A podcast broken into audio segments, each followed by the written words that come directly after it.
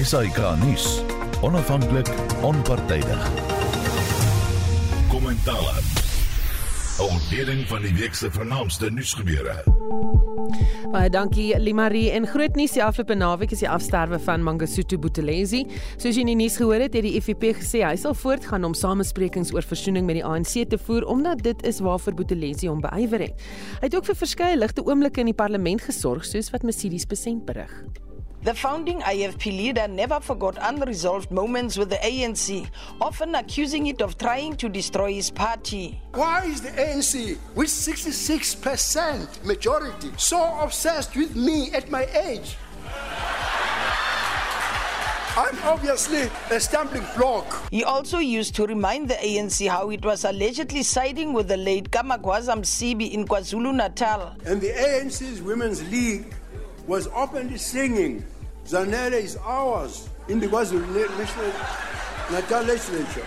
He was the oldest member of parliament and passed on at the age of 95. Mercedes Besant, SABC News, Parliament.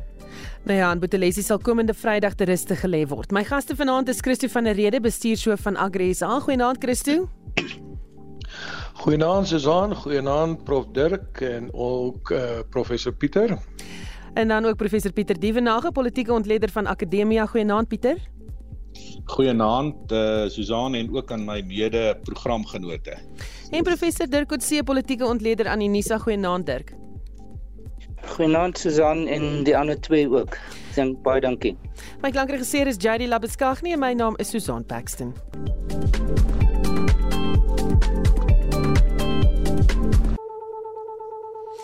Dis nou 3 minute oor 8 en welkom terug by Kommentaar. En daar is die Bokke se eerste wedstryd toe nou agter die rug 18-3 vir die Bokke. En uh, ek weet dat julle drietjies is eintlik meer polities georiënteerd en miskien bietjie landbou. Maar uh, julle gedagtes oor die rugby Christo Ja, jy sou my moet beskoon as ek uh, uh, jy weet 'n bietjie jees klink vanaand. Maar ek glo dat my geskreeuery en uh, jy weet aanmoediging van die kant en af het gehelp om my laaste 3 oor die 'n lyn te kry. So baie baie geluk aan die brokke en ek dink uh, ek sien uit na 'n uh, 'n uh, baie baie groot uh, prestasie hmm. vorentoe. Sit wat ons gehoor het Pieter, jy? Ja, kyk uh, Susan, ek wil net sê ek ek doen politieke kommentaar, maar ek het toe ek jonk was, was my groot held Gerard de Villiers. So rugby is rugby is in my bloed. En ek is nogal vanaand ek moet sê dit was my baie moeilike wedstryd om te kyk omdat die bokke het relatief ver gewen maar dit voel nie vir my na 'n goeie oorwinning nie. Maar nou aan die ander kant weet ons ook Skotland is 'n span wat uh, uiters goed verdedig. Ek dink hulle het ons baie goed bestudeer voor hierdie wedstryd.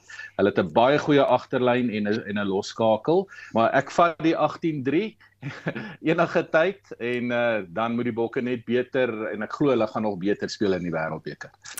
Dirk Ja, ek is nou nie 'n groot kenner van rugby nie, maar ehm um, ek dink die feit dat hulle hierdie wedstryd gewen het, ehm um, is 'n goeie begin in vergelyking met die ander wêreldbekers van die afgelope 2-3 kompetisies. Ehm um, so dit lyk asof dit 'n goeie begin is. Soos ek verstaan is Skotland een van die sterkste spanne. Ehm um, en dat ons dis dat dit dis 'n goeie begin was. Ehm um, maar soos ek nou van ander mense ook gehoor het, dit was nie 'n baie indrukwekkende wedstryd gewees nie. Hmm. Goed, maar kom ons praat oor ander indrukwekkende goeters. Dis natuurlik die hoofstories van die dag. Uh Suid-Afrika nooit nooit is daar 'n uh, oomblik wat daar iets gebeur nie. Iets groot is is natuurlik Mangosuthu Buthelezi se afsterwe. Jan Jan Joubert skryf vandag 'n rapport Buthelezi, die verraaier wat 'n politieke gentleman geword het. Dit na die afsterwe van Mangosuthu Buthelezi Vrydag aand. Hy was die laaste oorlewende van ikoniese politieke leiers tydens die oorgang na demokrasie. Dirk terwyl jy aan die woord is, uh, wat onthou jy van hom? Ja, ek dink wat 'n mens van hom onthou is sy veelsidigheid, veelkantigheid is mos dalk 'n beter woord. Is dat daar soveel kante aan hom was.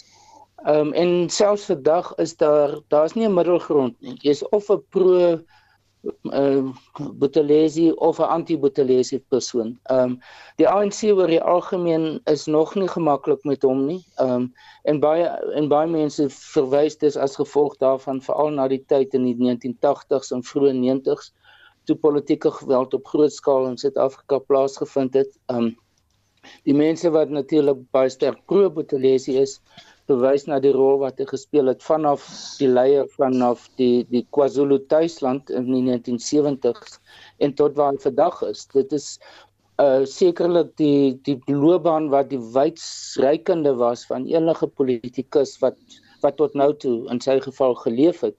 Um en baie veelkleurig in baie opsigte en ek dink baie mense het een of ander staaltjie wat hulle oor hom kan praat want hy uh, oor of vertel. Um ek ek self het 'n keer wat met hom te maak gehad en uh, hy was 'n baie meer op 'n een tot een basis 'n toeganklike persoon as wat die meeste mense gedink het. So ek ek dink in sy geval is dit dat hy um die rol gespeel het van die die werklike gesig van KwaZulu Natal en later KwaZulu Natal um, en dat hy hulle in die politieke situasie in die politiek die groot politieke uh uh van Suid-Afrika in 'n groot mate verteenwoordig het. Um en al is hy van die die EFF gewees, dink ek was dit uh, uit daai oog, oogpunt het hy 'n uiters belangrike rol gespeel. Saam daarmee en dit is die tweede konteks wat ek dink wat wat uh, on, on, onduidelik is op die oomblik is is die rol wat hy in die in die Zulu koningsfamilie gespeel het. Ehm um, want daar was hy was op pad om om uit te beweeg daaruit, maar daar is nie 'n natuurlike opvolger vir hom nie. Ehm um, en wat hy gedoen het in die opvolgingsstryd, want dit was nie 'n een eenvoudige opvolging na koning Zwelithini nie, was dat hy 'n groot mate stabiliteit verskaf het ja. in daardie situasie. Uh waar daar probleme is is natuurlik kon kon doen Konyama Trust uh wat daar groot meningsverskil tussen hom en die koning was. Hmm. Pieter, uh, jou gedagtes hmm. oor hom? Ja, ek dink 'n uh, lang leeftyd, nê, nee, gebore 1928, nou oorlede, dis 95 geword.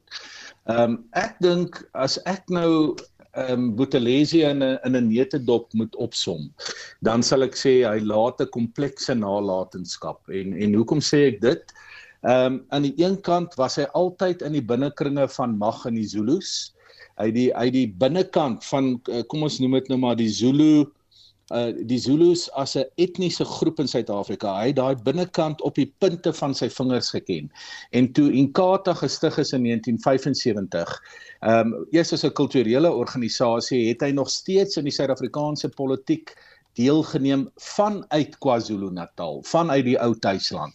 En daar was by hom geen sprake om in exile te gaan nie. En ek dink dis waar die groot spanning tussen hom en die ANC begin het. En toe in 94 mense sal onthou dat hy lank uh, getop het of hy in die nuwe bedeling wil ingaan. Ehm um, en en ter 11ter ure is het hy het hy ingegaan in die 1994 verkiesings wat uiteindelik gelei het tot die staat wat ons nou het. Ehm um, en toe het hy ehm um, binne die kabinet uh het was dit interessant dat hy en president Mandela het 'n tipe van 'n aanvoeling vir mekaar gehad alhoewel hy uit die Inkatha gekom het en al die geweldige on die onmin tussen die ANC en Inkatha so tussen 1990 en 1994 het die twee groot uh ou leiers uh mekaar eintlik um aangevoel uh, binne die kabinet. Dit was nou Buthelezi en Mandela. En en hulle het 'n goeie hulle het hulle het 'n goeie gevoel met mekaar gehad en toe het sy hele profiel begin verander as die meer Zulu uh jy weet uh, iemand uit Natal wat wat wat amper ehm um, jy weet in die Suid-Afrikaanse politiek aggressief optree het hy meer as 'n versoener en 'n bemiddelaar in die kabinet na vore gekom en het sy profiel vanaf 94 tot nou geskuif. En net my laaste punt Susan die interessante is dan dat hy ehm um, jy weet mense kan sê sy kabinetsposisie uh, daai departement het ook maar nie so goed gegaan nie maar hy het tog hierdie rol gespeel na 94 'n ander tipe rol. En later in die in die parlement ehm um, het uh, al die partye in 'n sekere sin ehm um, met 'n uh, sekere respek na hom gekyk. So 'n komplekse loopbaan, dis waarmee ek begin het en waarby ek volstaan. Hmm. Christo Kyk, dit is belangrik dat 'n mens uh, al ons uh, politieke leiers, veral mense soos uh, Buthelezi, F.W. de Klerk, Nelson Mandela, Constant Viljoen, ons moet hulle almal binne 'n bepaalde historiese konteks beoordeel. Nou daar het 'n klomp goed plaasgevind uh, wat uh, tot verskriklike uh, uh geweld gelei het uh jy weet oor 'n bepaalde uh, tydperk. Maar ek dink uh 1994 was 'n waterskeidings oomblik. Want as dit nie uh, vir 'n Mandela en 'n F.W. de Klerk en 'n Constant Viljoen as ook 'n uh, uh mense soos ehm uh, Buthelezi was nie. Uh, kan jy indink uh jy weet wat sou gebeur het indien daar nie uh onderhandelinge was nie en uh, as daar nie 'n bepaalde ooreenkoms bereik was nie. Uh en dit hulle die basis gelê uh, uh soos aan vir 'n ongelooflike uh vredes uh oor uh, oorgang. Uh en dit het natuurlik die basis gelê vir uh vredesame verkiesings en so voort. Maar daarna gebeur het het absoluut niks te doen met die basis wat hulle geleer het nie en ook niks te doen met ons grondwet nie. Het alles te doen met uh mense wat in onbevoegde mense wat in posisies geplaas is en wat bloot net uh mag magsigtig is.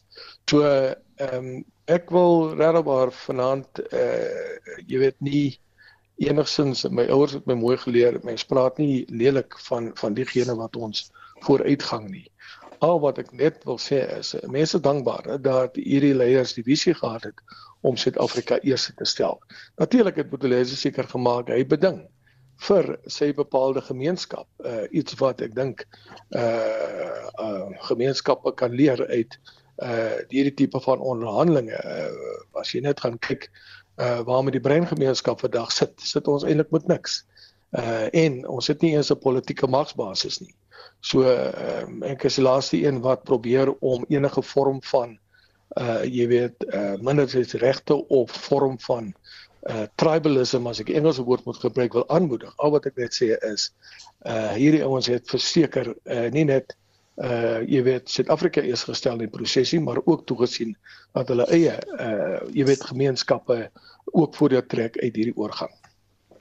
Goed dan ja, ons laat dit dan nou daar uh, hy diep spore getrap in die land op verskeie vlakke. Goed dan Afriforum het die afgelope week 'n voorstel gemaak aan die Tshwane Metro dat vullisverwydering deur 'n privaat maatskappy gedoen moet word eerder as munisipale werkers. Dit sal stakings vir my goedkoper wees sê hulle. Die rommel in Pretoria hoop op sedert Julie weens 'n staking deur munisipale amptenare wat 'n verhoging wil hê. Ehm um, wat dink julle van hierdie voorstel Dirk?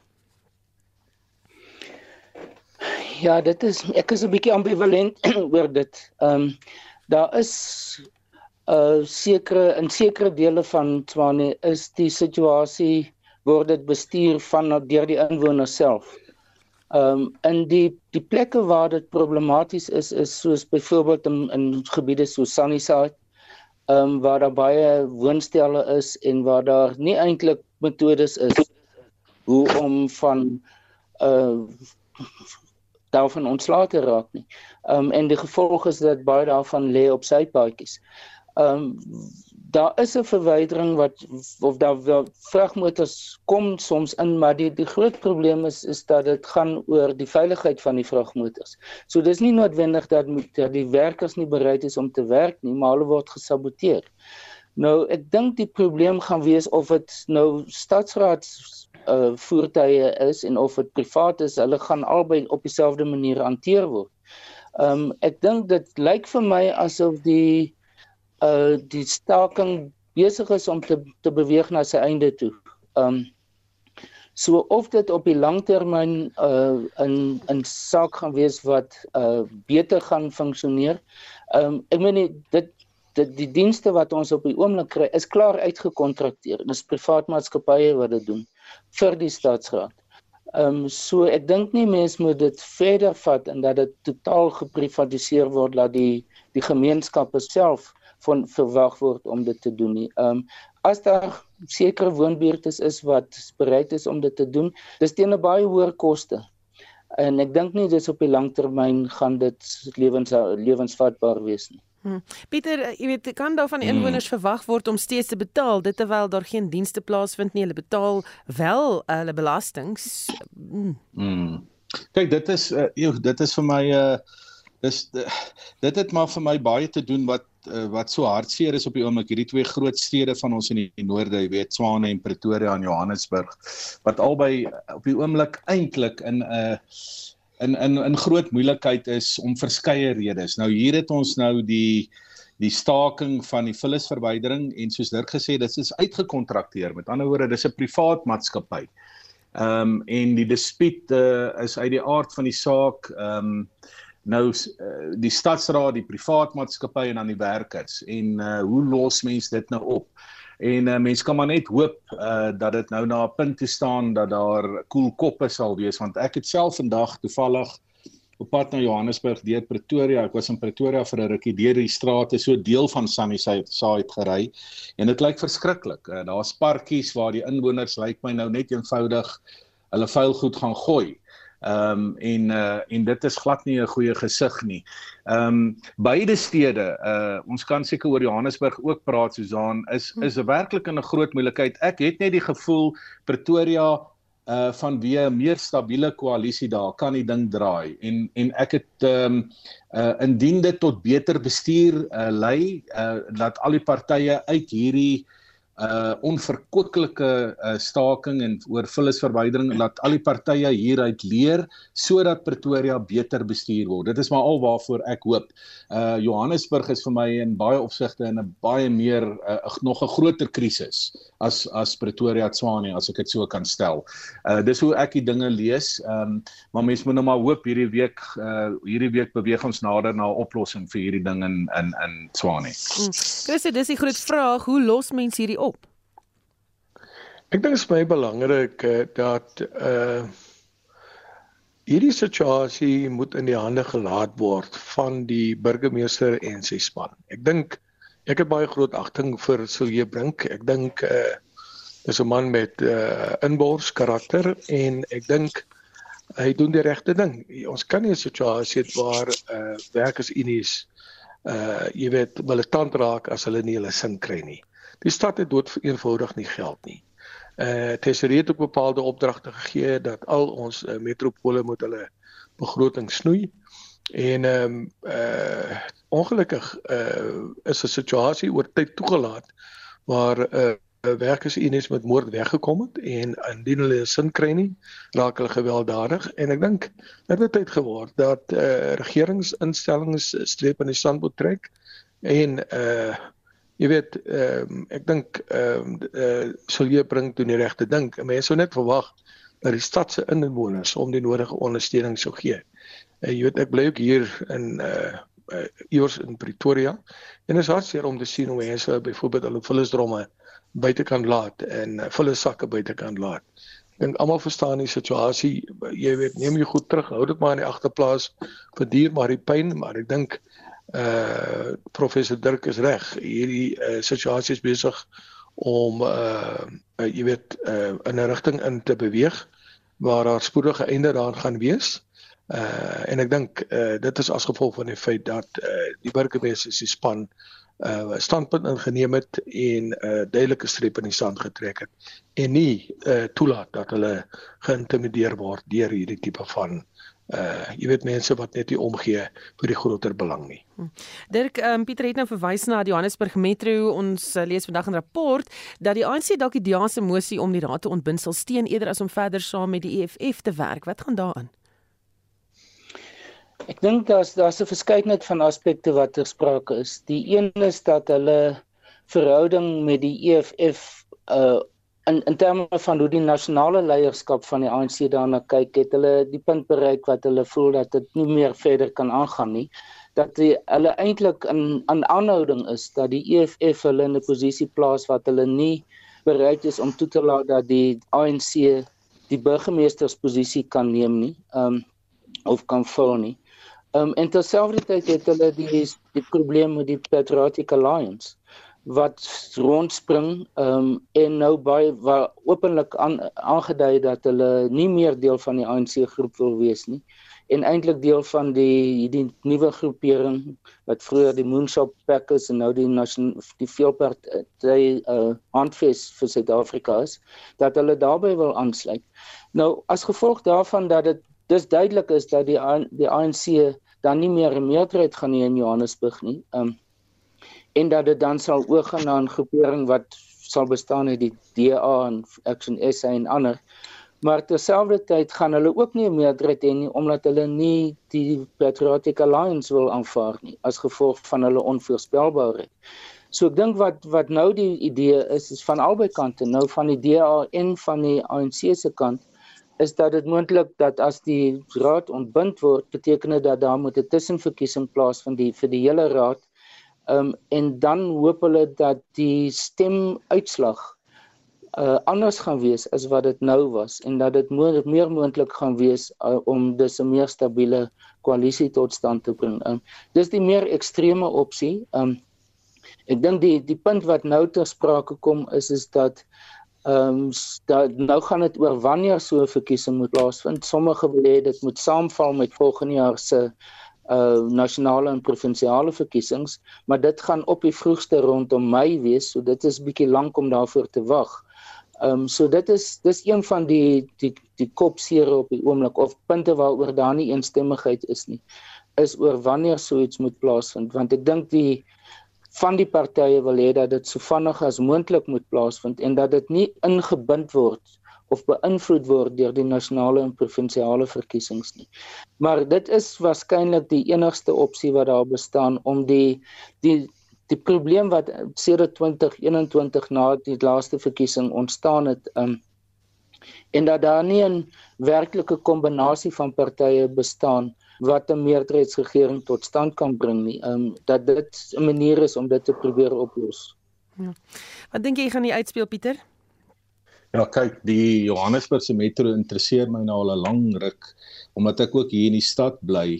Ehm um, en uh, kyk vir my is die party wat baie baie belangrike vrae moet beantwoord, die Patriotiese Alliansie, the Patriotic Alliance, uh, Alliance, nee.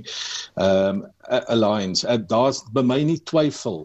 Hulle was eers saam met die DA koalisie, hulle daar kop uitgetrek net om belange, eie belange, gaan aansluit by 'n ANC EFF koalisie. Kyk waar's daai koalisie nou. En nou wil die PA nie weer wil nie glad nie daarmee saam wees nie. Hulle wil nou terugkom na die DA koalisie of die ehm um, die uh Antfes of uh, dit was mos 'n moonshot pact en nou sê iets anders. En ek kan verstaan dat hierdie hierdie hierdie alternatiewe alliansie tot die tot die ANC EFF Patriotic Alliance nie maklik sommer nou weer vir die Patriot Patriotic Alliance sal plek maak by hulle nie. Ek dit is dit is vir my absoluut duidelik. En nou sit 'n mens met 'n dilemma. Die ANC het nie 'n meerderheid om die stad te regeer nie. Die ANC en die EFF saam het 'n meerderheid, maar hulle twee wil nie meer saam regeer nie. En die DA en sy koalisiegenote val net onder die 50% uh as hulle nie met die PA saamwerk nie. So jy het eintlik geen van die groeperings kan op die oomblik 'n meerderheid in Johannesburg hê nie. En nou lyk my is die alternatief daar moet weer 'n verkiesing gehou word. Maar as daar 'n verkiesing gehou moet word, lyk my is die idee dat dit saam met die groot uh, nasionale en provinsiale verkiesing volgende jaar saamval. En my vrees is net dat Johannesburg is in so haglike toestand dat daar effektief dan nie 'n regering gaan wees van nou tot by volgende jaar se verkiesing wat dalk eers in April of Mei of wanneer ook al gaan wees. So is nog 'n 6, 8 maande wat Johannesburg Pieter, is jy nog daar? Lyk vir my is jy so vorentoe sien. Ja, oh, ek ek goed, is Ons jy net so vir 'n oombliekie ja. verloor, maar goed, ja. ek dink ons het die uh, kruks van die saak. Ja. Christo, uh, wat sou jy wil ja. eintlik wil sien moet gebeur hier in Johannesburg Metro? Weet jy, Susan Adam Small, die bekende uh, digter, het baie baie jare gelede 'n gedig geskryf en iewers waar in die gedig vra hy die vraag. Jy weet Moses, o, waar is Moses? Jy weet verwysende na 'n uh, 'n uh, leier, uh, veral uit die breingemeenskap, 'n sterk politieke leier. Nou dit lyk vir my uh, daai leier by ons ontwyk uh, en uh, ongelukkig sit ons nou met 'n uh, persoon by name uh, Gayton McKenzie. Uh wat na my mening absoluut geen maar geen politieke diepte het nie. Absoluut geen uh jy weet politieke beginsels het nie daar daar's ook nie enige ideologiese raamwerk waarbinne hy opereer. Jy weet waar jy weet hoe uh, waar en, en waar volgens hy rigting gee aan sy party dit bestaan ook nie. En uh, die hartseer ding is dat uh, breingemeenskap word op hierdie stadium so mislei. Uh mense stem vir hom en ongelukkig uh jy weet uh stem mense uit bloot uit desperaat uit uit En uh omdat hulle nie tuis voel by die DA nie en voel ook nie tuis by die ANC nie en hulle plaas hulle hoop in hierdie persoon jy weet wat volgens hulle uh, hulle Moses is. Nou ja, as jy jou Moses wil teekom, dan moet jy nou aanhou om uh, uh, jou jou stem vir sy party te gee. Want dis jy's die probleem wat ons het. Uh omdat daar geen beginsels raamwerk is, hy uh, spring hy van een kant na die ander kant toe ondersteun die EFF en die ANC en ek meen die eindresultaat daarvan is 'n persoon wat geen maar geen noemenswaardige uh ehm uh, vaardighede het om die stad uh beho na behoore te bestuur nie. En as dit die ehm um, jy weet die gevolg is van uh die Patriotic Alliance se doen en late, dan kan ek net my indink, uh jy weet wat die gevolg van hulle bestuurstyl gaan wees uh veral op plaaslike munisipale vlak. Uh en ek dink iewers waar langs die pad ehm um, jy weet sal uh selfs ek dink die DA en die ANC sal in gesprek moet tree en uh die stad eerste moet stel. Op hierdie oomblik is die stad 'n slagoffer van mense wat bloot net poste najag, mense wat bloot net hulle eie politieke egos wil streel en dit uh tot groot nadeel van die stad en sy uh, inwoners. Wat mense nie besef nie is dat Johannesburg is uh Afrika uh, se belangrikste metropool. Dit is waar die groot ekonomiese transaksies, handelstransaksies plaasvind. Uh maar uh ongelukkig uh is ons infrastruktuur besig om die gees te gee en mense probeer ander uh jy weet uh, uh plekke vind uh tuis te vind om hulle besigheid te doen. En jy kan jou indink uh, wat die gevolg gaan wees vir die duisende uh mense wat uh werksgeleenthede het in die stad of wat 'n uh, werksgeleentheid wat op soek is na 'n werksgeleentheid.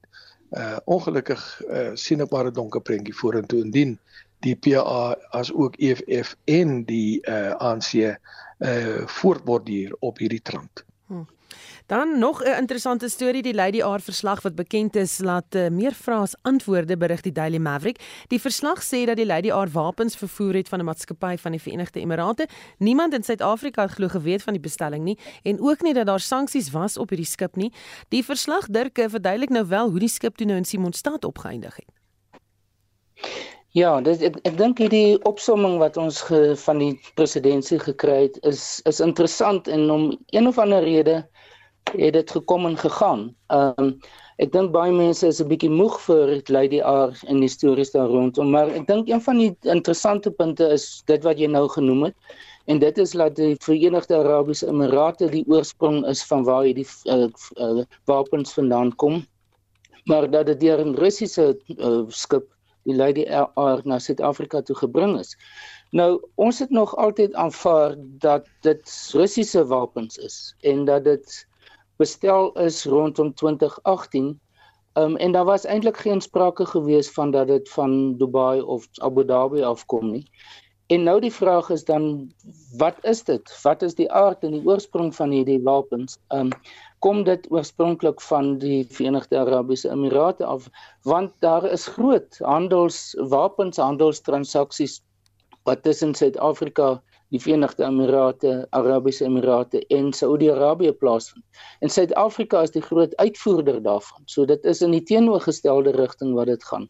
Ehm um, daar's daar's groot bedrae van wapens wat al gelewer is aan Saudi-Arabië en die Verenigde Arabiese Emirate oor die afgelope 10 jaar en wat veral betrokke geraak het in of gebruik is in die oorlog in Jemen en dit het dit so kontroversieel gemaak.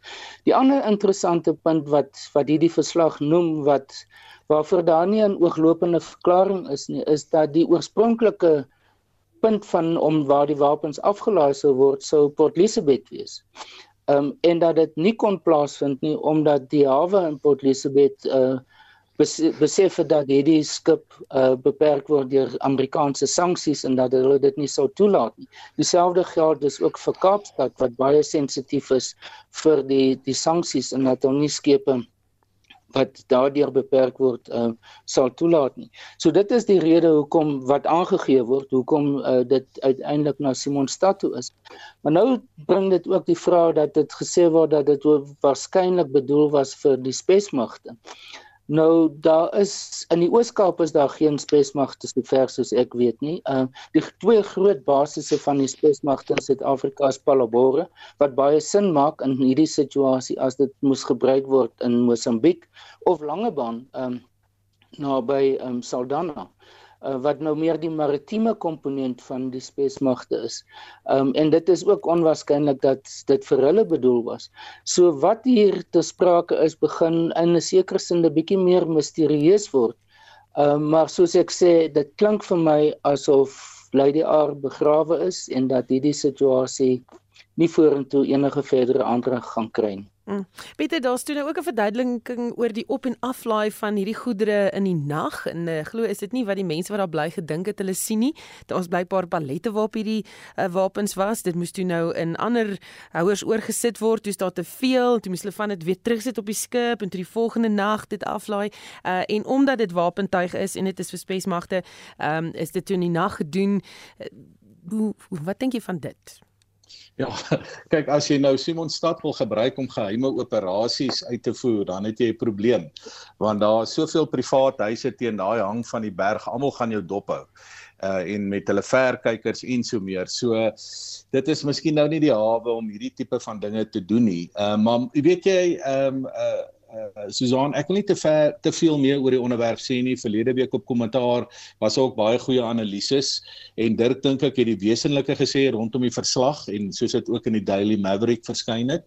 Ehm uh, maar vir my is net as ek een opsommende woord kan gee oor rondom die Lady R en Simonstad en ons vloot en ons weermag, dan is dit 'n komedie van foute en dat dit net weer eens gewys het hoe onprofessioneel is ons dat jy weet verskillende af afdelings van die Suid-Afrikaanse staat, verskillende departemente weet nie wat ander doen nie.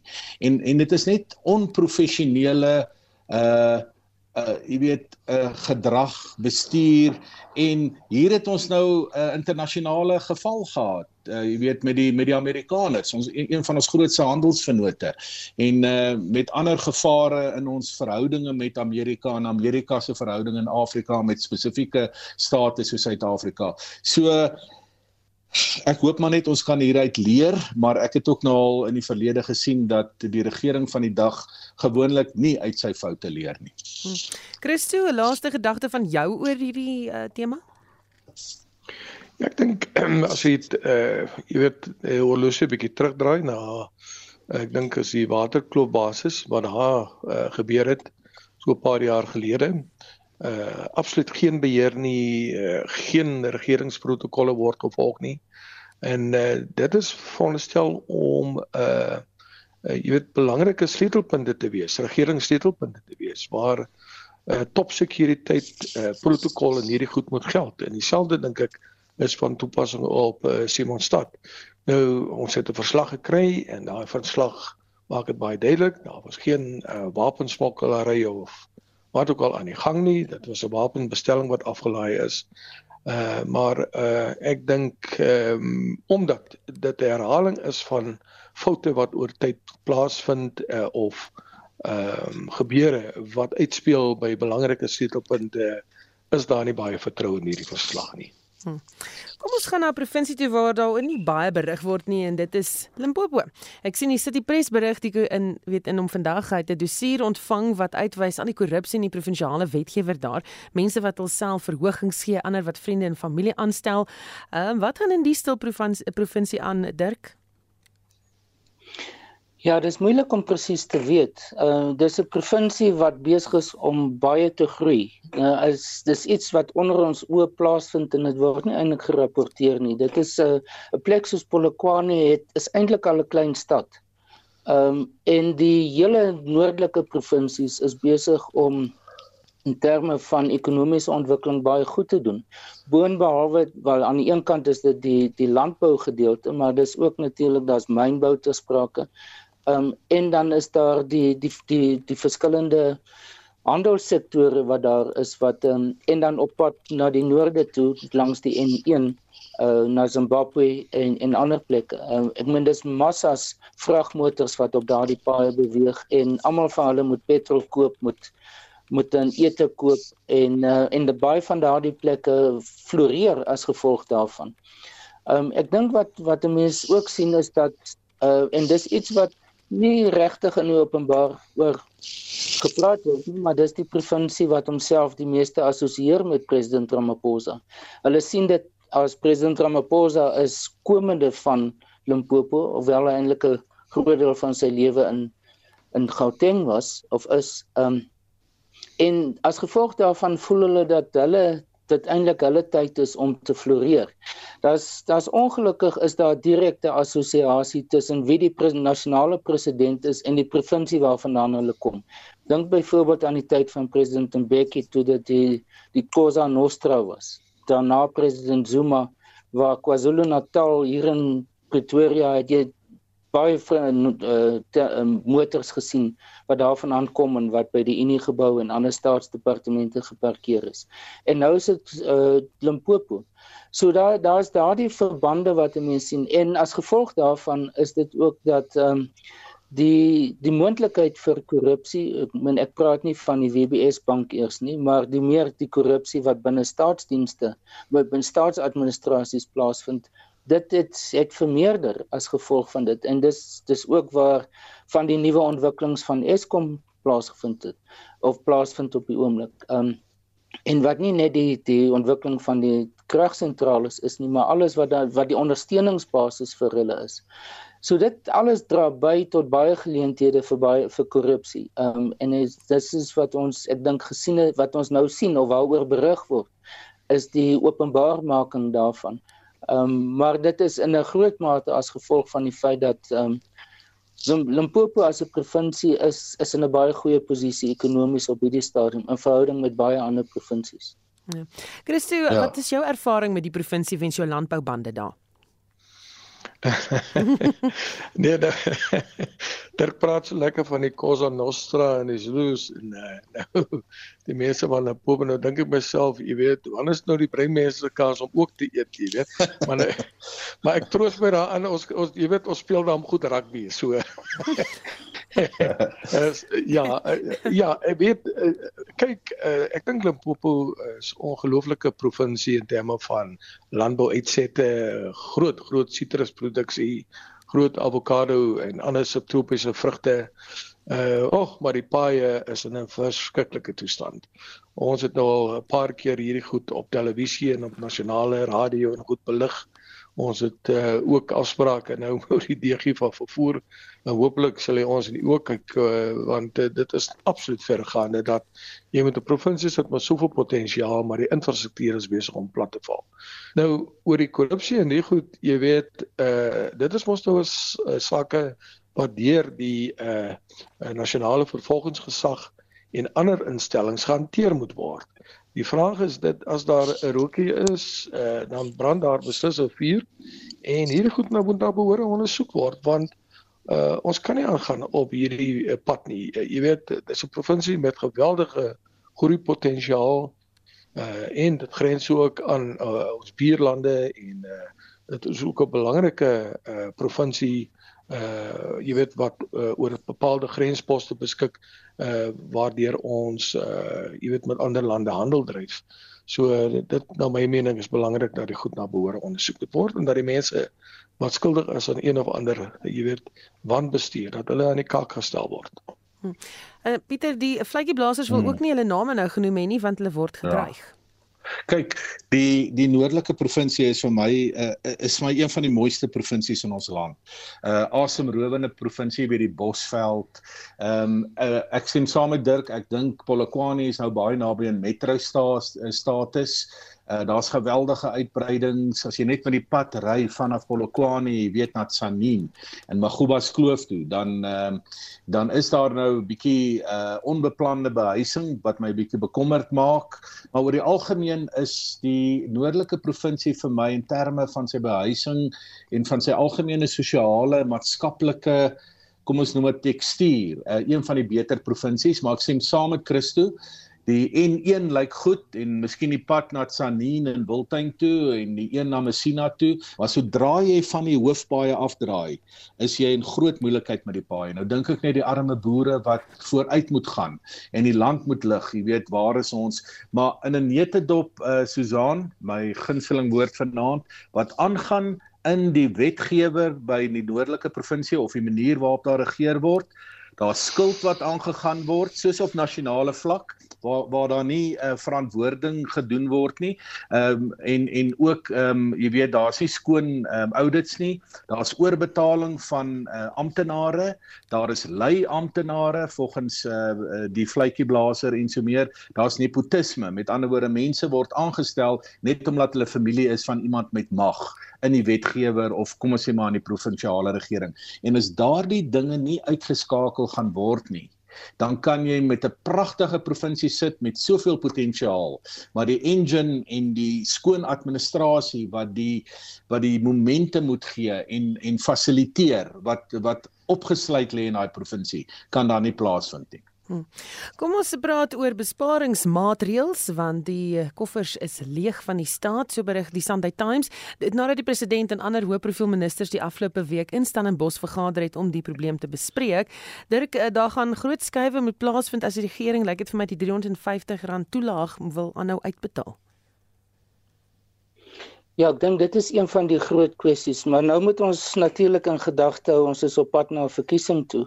So dit is baie moeilik as dis teenstrydige drukpunte wat of drukkragte wat op mekaar nou inwerk. Aan die een kant is dit die van in terme van die fiskale situasie van die regering.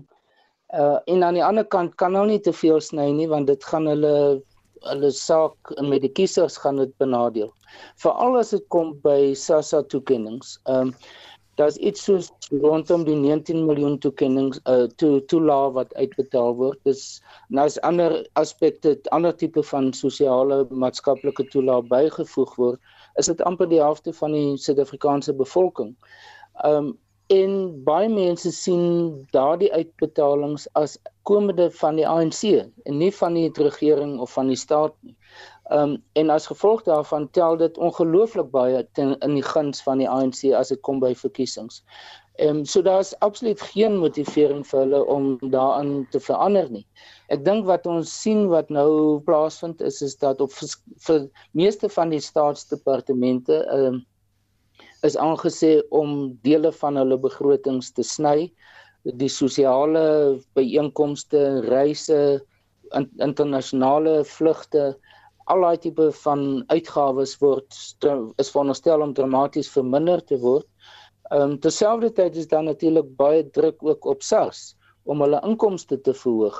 Ehm um, en SARS is al so effektief dat dit is baie moeilik om te dink dat daar dat hulle nog baie meer as dit is wat hulle reeds invorder sal kan invorder. Maar dit dis daardie balans dink ek wat uiteindelik uh, gaan bepaal tot watter mate is daar ehm um, die moontlikheid vir ehm um, byvoorbeeld die die om aan aan te hou om die 350 rand toelaag uit te betaal want die die ander opsie en dit het ons gesien is was een van die ANC se besluite verlede jaar by hulle nasionale konferensie is is om 'n minimum loon 'n nasionale minimum loon uiteindelik in te stel. Nou die dit sal heel wat meer wees as die 350 rand 'n hele paar keer meer as dit. Ehm um, so die vraag vir my gaan weer is eintlik tot watter mate gaan 'n minimum loon byvoorbeeld 'n vervanging wees van sommige van hierdie SASSA uitbetalings en of dit boonbehalwe die SASSA uitbetalings gaan wees. Ehm um, dit lyk vir my net finansiëel onmoontlik om albei te kan hê. Dit is dis of die een of die ander. Uh, maar die idee van 'n minimumloon is word deur baie mense bespreek deur baie instellings, daar's baie navorsing wat daaroor gedoen word, maar dis definitief een van die grootste uitgawes vir die toekoms. Saam daarmee is natuurlik die ding wat wat eintlik geen vordering maak nie en dis die nasionale gesondheidsversekering wat miljarde der miljarde sal sal kos. En ek dink dis een van die die fiskale situasie is een van die redes, nie die enigste nie, maar een van die redes waarom daar eintlik geen vordering plaasvind daarmee nie. So die die fiskale situasie is besig om om problematies te wees, maar terselfdertyd sien ons dat sekere aspekte van die Suid-Afrikaanse ekonomie nie noodwendig so sleg is nie. Wat vat byvoorbeeld die inflasiekoers op die oomblik. Ehm um, maar nou saam daarmee die uh die die die wisselkoers van die rand is aan die ander kant 'n probleem. So dit het ook 'n nou groot nadelige impak um op die die die uh die nasionale situasie. Uh die fiskale situasie is is is die uh, die feit dat ons as dit kom by uitvoere is dit fantasties goed, maar as dit kom by invoere dan is dit hoogs problematies. Hm. Ehm um, Pieter die regering sal dan nou ook sekere programme dalk eers moet staak want hulle kan dit bloot nie bekostig nie en dit voorspel niks goed vir arme mense nie.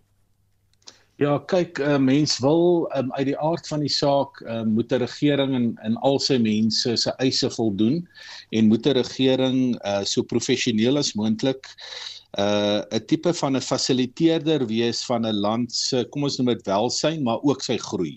So dit is 'n dis 'n baie fyn balans. En ek dink Dirk het omtrent al die wesenlike punte daar genoem, maar mens moet ook onthou dat ons min, ons het 'n minerale toeval gehad verlede jaar. Nou dit beteken moet dit nou reg formuleer. Ons het minerale uitvoer gehad bo verwagting verlede jaar en dit het die tussentydse begroting en uiteindelik die begroting van hierdie jaar baie gehelp. Daai minerale voordeel wat ons gehad het het verval. Met ander woorde, ons is terug ons is terug waar ons is en met ons dilemma dat uh, ons boeke nie klop nie en uh, as mens nou maar net dink, ek wil net een verdere ding ook noem. Ons sit met 'n kabinet van uh, ek hoop ek is reg met die getalle, maar 30 ministers en 30 adjunkministers dink ek. Dis 60 of 70 mense. Ek dink net daar kan gesny word en dan tweedens professioneel bestuur word en en daar's minder korrupsie en die boeke klop in elke departement dat die audit verslae van elke regeringsdepartement klop dan dan is ons al op 'n ander bladsy en is sal daar meer geld wees ook vir welsyn en vir toelaas en vir uh die mense wat minder bevoordeel is in Suid-Afrika. So um, ek dink ons is ons is nie die rykste land op aarde nie, maar ons is ook nie die armste land nie. Maar wat in hierdie land uiters noodsaaklik is, is wanneer dit kom by finansies uiters goeie bestuur, professionele bestuur van die regering van die dag. Andersins gaan daar net groot moeilikheid vir Suid-Afrika vorentoe lê. Net 'n heel laaste dingetjie, uh, wil ek tog as 'n kant aantekening maak Susan hier. Dit uh die regering van die dag sal ook moet leer dat die min mense wat belasting betaal in Suid-Afrika, dis 'n uiters belangrike punt hierdie. Ek dink ons belastingbetalers is hier by 5 of 6 of 7 miljoen mense uit 60 miljoen. As jy daai mense ook nie met respek hanteer nie en jy maak eintlik alles in die land moontlik vir mense om te emigreer en ook vir ons biljoenêers of ons miljardêers om uit die land uit te gaan en uh jy weet om om die heeltyd dit moeilik te maak vir mense wat entrepreneurs is dan gaan die land ook nie vorentoe gaan op die finansiële gebied nie. Hmm. Christie dan selfs volgens bronne voorstel dat BTW vermeerder moet word so dan gaan die armes weer moet opdok. Almal eintlik. Susan, ek ek wil aansluit by wat eh uh, Pieter vroeër gepraat het. Genoeg van 'n fyn balans. Fyn balans tussen welvaartskepping en eh uh, welsyn eh uh, in die voorsiening van welsynsbehoeftes. Ongelukkig eh, sit ons met 'n uh, begroting wat heeltemal uit balans is.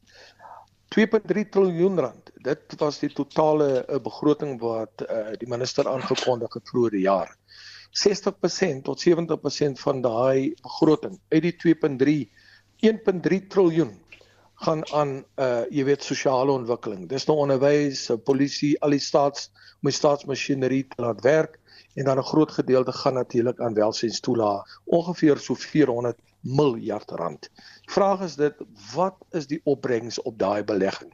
As ons kinders nie na behoore kan lees nie, as ons polisie nie 'n behoorlike wet en orde kan handhaaf nie, as ons hospitale nie mense se gesondheid kan help verseker nie en uh, as ons voortdurend mense in 'n posisie plaas waar hulle uh jy weet afhanklik word van die visie in plaas daarvan om 'n visstok in hulle hand te stop om self 'n vis te vang. Nou ek is die laaste persoon wat apaties staan teenoor die armoede wat in ons land heers. Maar jy kan nie 'n situasie hê waar minder as 7% van jou nasionale begroting, dis ongeveer 250 miljard rand word aan ekonomiese ontwikkeling toegeken nie. Waarvan die departement van landbou so 17 miljard kry aan die einde van die dag is daar minder as 'n miljard rand 0,001% wat gaan vir uh, jy weet vir landbouontwikkeling. Uh ons plase wat oorgedra word 5200 plase lê onbenut uh, 80% daarvan uh, uh uh jy weet is nie produktief nie as gevolg van die feit dat daar's nie geld om daai uh uh, uh jy weet plase uh se produksie te help finansier nie. Ons het met 'n wesenlike probleem. Ons hele uh, begrotingsprioriteite is is is op die verlede gemik en op die verlede geskoei. In ander woorde, daar moet regstelling plaasvind in plaas daarvan dat dit op die toekoms uh, geskoei moet word. As jy kyk na wat 'n land so Suid-Korea reggekry het, uh, waar hulle hulle nasionale begroting gevaardig gesê het, ons gaan baie meer geld in navorsing bestee, 'n uh, groot geld in uh, ekonomiese ontwikkeling bestee.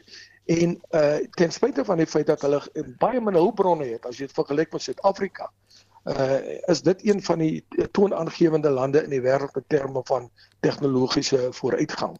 So uh, ons groot groot probleem is die ideologiese lens waarmee 'n nasionale begroting uh opgestel word en uh, uh wat nou gebeur is soos hulle Engels sê the chickens are coming home to roost ons moet nou toenemend meer geld gaan leen om daai gaping te help vul uh want daai gaping word nou veroorsaak deur kwynende ekonomiese groei, maar 'n uh, groter hoeveelheid mense wat uh, afhanklik is van staatstoelae. Dit is onvolhoubaar. As mense vir my sê Christo ons is op die fiskale afgrond, dan sê ek nee. Ons het reeds besig om oor daai afgrond uh neer te stort. En as daar nie 'n duidelike ingryping kom in vir verskywing in denke kom in terme van wat behoort ons uh prioriteite te wees nie. Ekonomiese ontwikkeling versus uh uh jy weet mense afhanklik maak van die staat, hmm. dan uh voorsien 'n groot moeilikheid vorentoe. Goed, jy luister na kommentaar my gaste Christo van der Rede, professor Pieter Dievenage en professor Dirk Kotse net hierna praat ons oor buitelandse sake bly ingeskakel. Jy luister na kommentaar my gaste Christo van der Rede, professor Pieter Dievenage en professor Dirk Kotse en ons praat 'n bietjie oor buitelandse sake. Die Afrika Unie is nou 'n permanente lid van die G20. Die besluit is aangekondig deur die sittende voorsitter van eh, dis nou Indië se eerste minister Narendra Modi. Dirk, wat beteken dit vir ons? Dirk, is jy daar? Jy moet dalk net vir ons jou uh, knoppie daar druk en jouself unmute soos hulle sê dan kan ons dalk gesels. Tussen Pieter dalk jou gedagtes oor die ja. feit dat ons daar is. Kyk, uh, dis nou baie interessant. Jy weet Susan, ons was nou ons het nou die BRICS lande hier in Suid-Afrika gehad wat nou van 5 na 11 verhoog het. En uh, ons weet nou Saudi-Arabië is nou nog so aan die wikken beeg, maar dit daar gelaat. Die interessante is dat ons voorsitter is van die G20 in 2025 en dat die Afrika Unie soos jy ook nou gesê het deel word van die G20. Ek hoop maar net dat Suid-Afrika nou 'n bietjie uh meer ehm um, helder dink en veral ons uh departement van internasionale betrekkinge en ook die kabinet en die president dat ons nie al ons eiers in die BRICS-bandjie pak nie. Ek is eintlik bly dat ons nou as Suid-Afrika nie meer 'n lid van 5 is nie, maar nou van 11 of 10. Uh want uh ek dink nog steeds Suid-Afrika se buitelandse beleid moet baie baie van gesonde verstand getuig. En uh, die oomblik as ons eerder by die G20 is, ehm um, en die AU is ook daar lid, dan maak dit my dit laat my 'n bietjie meer gemakliker voel want dit is ook waar ons groot westerse ehm um, jy weet handelsvennote is. Natuurlik is China ook daar en China is ook 'n groot handelsvennoot, maar ek dink net by die G20 kan 'n mens meer ewewigtig ehm um, weet jou posisie uh en jou buitelandse beleid bepaal. So dit is nou maar my mening oor die saak, maar ek weet Dirk het dit het, het dit ook aangemeld op ons lysie, so dalk kan hy verder help. Mm, Dirk, wie is daar? Wie is nie daar nie en wat het dit met Indië se naamplaatjie? Ja, ehm um, ek dink wat uh, hierdie byeenkoms was besonder interessant geweest en dit volg natuurlik baie kort op die BRICS uh, byeenkoms wat hier in Suid-Afrika was. Um, ek dink wat ons hier sien is die lande wat nie daar was nie of wat nie deur hulle presidente verteenwoordig is nie, is eerstens Rusland, uh, president Putin en dis maklik verstaanbaar. Ehm um, en tweedens is was dit China geweest. Ehm um, en president Xi uh, Xi Jinping was was nie daar geweest nie, maar is deur sy premier verteenwoordig. En ehm uh, daar's verskillende interpretasies hoekom dit die geval was. Ehm um, maar dit lyk asof die die mees geloofwaardige interpretasie is is dat hy intern uh, probleme ontwikkel het. Uh dat daar 'n byeenkoms was nou baie onlangs van sy veteraan voormalige presidente, Chinese presidente en dat hulle hom ernstig gekritiseer het oor die Chinese ekonomie, die die gebrek aan vordering, die gebrek aan of die probleme wat besig is om in die in die ekonomie te ontwikkel, veral as dit kom by die werkloosheid wat onder jong mense besig is om te te verhoog um, en dat hy sy posisie in China nie so solied is soos wat die mense van buite af daaroor dink nie. Saam daarmee is die verhouding tussen China en en Indië is hoogs problematies. Ons het dit reeds gesien hier met die BRICS byeenkoms. Um maar dit is en omdat Indië nou die gasheer was van die G20 uh, beraad, ehm um, was dit iets wat vir die Chinese eintlik dit baie problematies gemaak het om daar te kan wees. Ehm um, en ek dink wat wat ons nou sien is is dat wat baie interessant is in die in die verklaring wat uitgereik is ehm um, van die G20 van hierdie beraad ehm um, was hoe prominent ehm um, Indië, Suid-Afrika, Brasilië en Indonesië was in die formulering vir al die gedeelte wat verskillende gedeeltes maar veral die gedeelte oor die die oorlog in die Oekraïne en dat uh, dit meer as 20 dae gevat het sodat reeds voor die tyd begin om by hierdie hierdie verklaring uit te kom en om 'n kompromis te vind tussen die verskillende uh, lande se posisies daaroor. Um, en uiteindelik was dit hierdie lande wat gesamentlik die die fasiliteerders was om om tot daardie punt te kom dat al die die groot lande en dis die Europese lande, Amerika, die Europe uh ehm um, die Afrika lande en die As Asiëse lande het almal uiteindelik daarmee saamgestem. En dis iets wat uh wat aan die verklaring sê dat daar uh die beginsels van die internasionale reg en van die VN se handves moet in ten alle tye gerespekteer word, insluitende die soewereiniteit van state state na die uitbreiding van hulle grondgebiede um onwettig is. Um En dit spreek natuurlik direk na die situasie in in die Oekraïne en en waarvan in Rusland se se poging om dele van Oekraïne te te beset. So ek dink uit, uit daardie oogpunt is dit belangrik vir Suid-Afrika. Dit was weer eens dink ek 'n 'n groot sukses vir president Ramaphosa gewees. Uh die die omvang van die besprekings het loop baie wyd. Um en dit gaan oor aspekte soos byvoorbeeld die hoe om die klimaatsveranderings en die befondsing daarvan hoe om dit te hanteer. Um dit gaan oor die globale skuld wat uh, wat in veral in lande wat ontwikkelende lande is. Ehm um, dit dit gaan ook oor ehm um, byvoorbeeld die die bevordering van die groen ontwikkelingspak wat hulle noem ehm um, en die die uh implementering van die ehm um, uh ontwikkelingsdoelwitte wat die VN vir 2030 ja. gestel het. So dit is alles aspekte dink ek wat wat belangrik is vir ons ook. Hm. Nou ja, dis ongelukkig alwaar vir ons tyd het vanaand in kommentaar gaste was Christo van der Rede bestuurshoof van Agri SA, professor Pieter Dievenage, politieke ontleder van Akademia en professor Dirk Coetzee, politieke ontleder aan Unisa. My klankregisseur is Jady Labeskagni, my naam is Susan Paxton. Geniet die res van jou aand.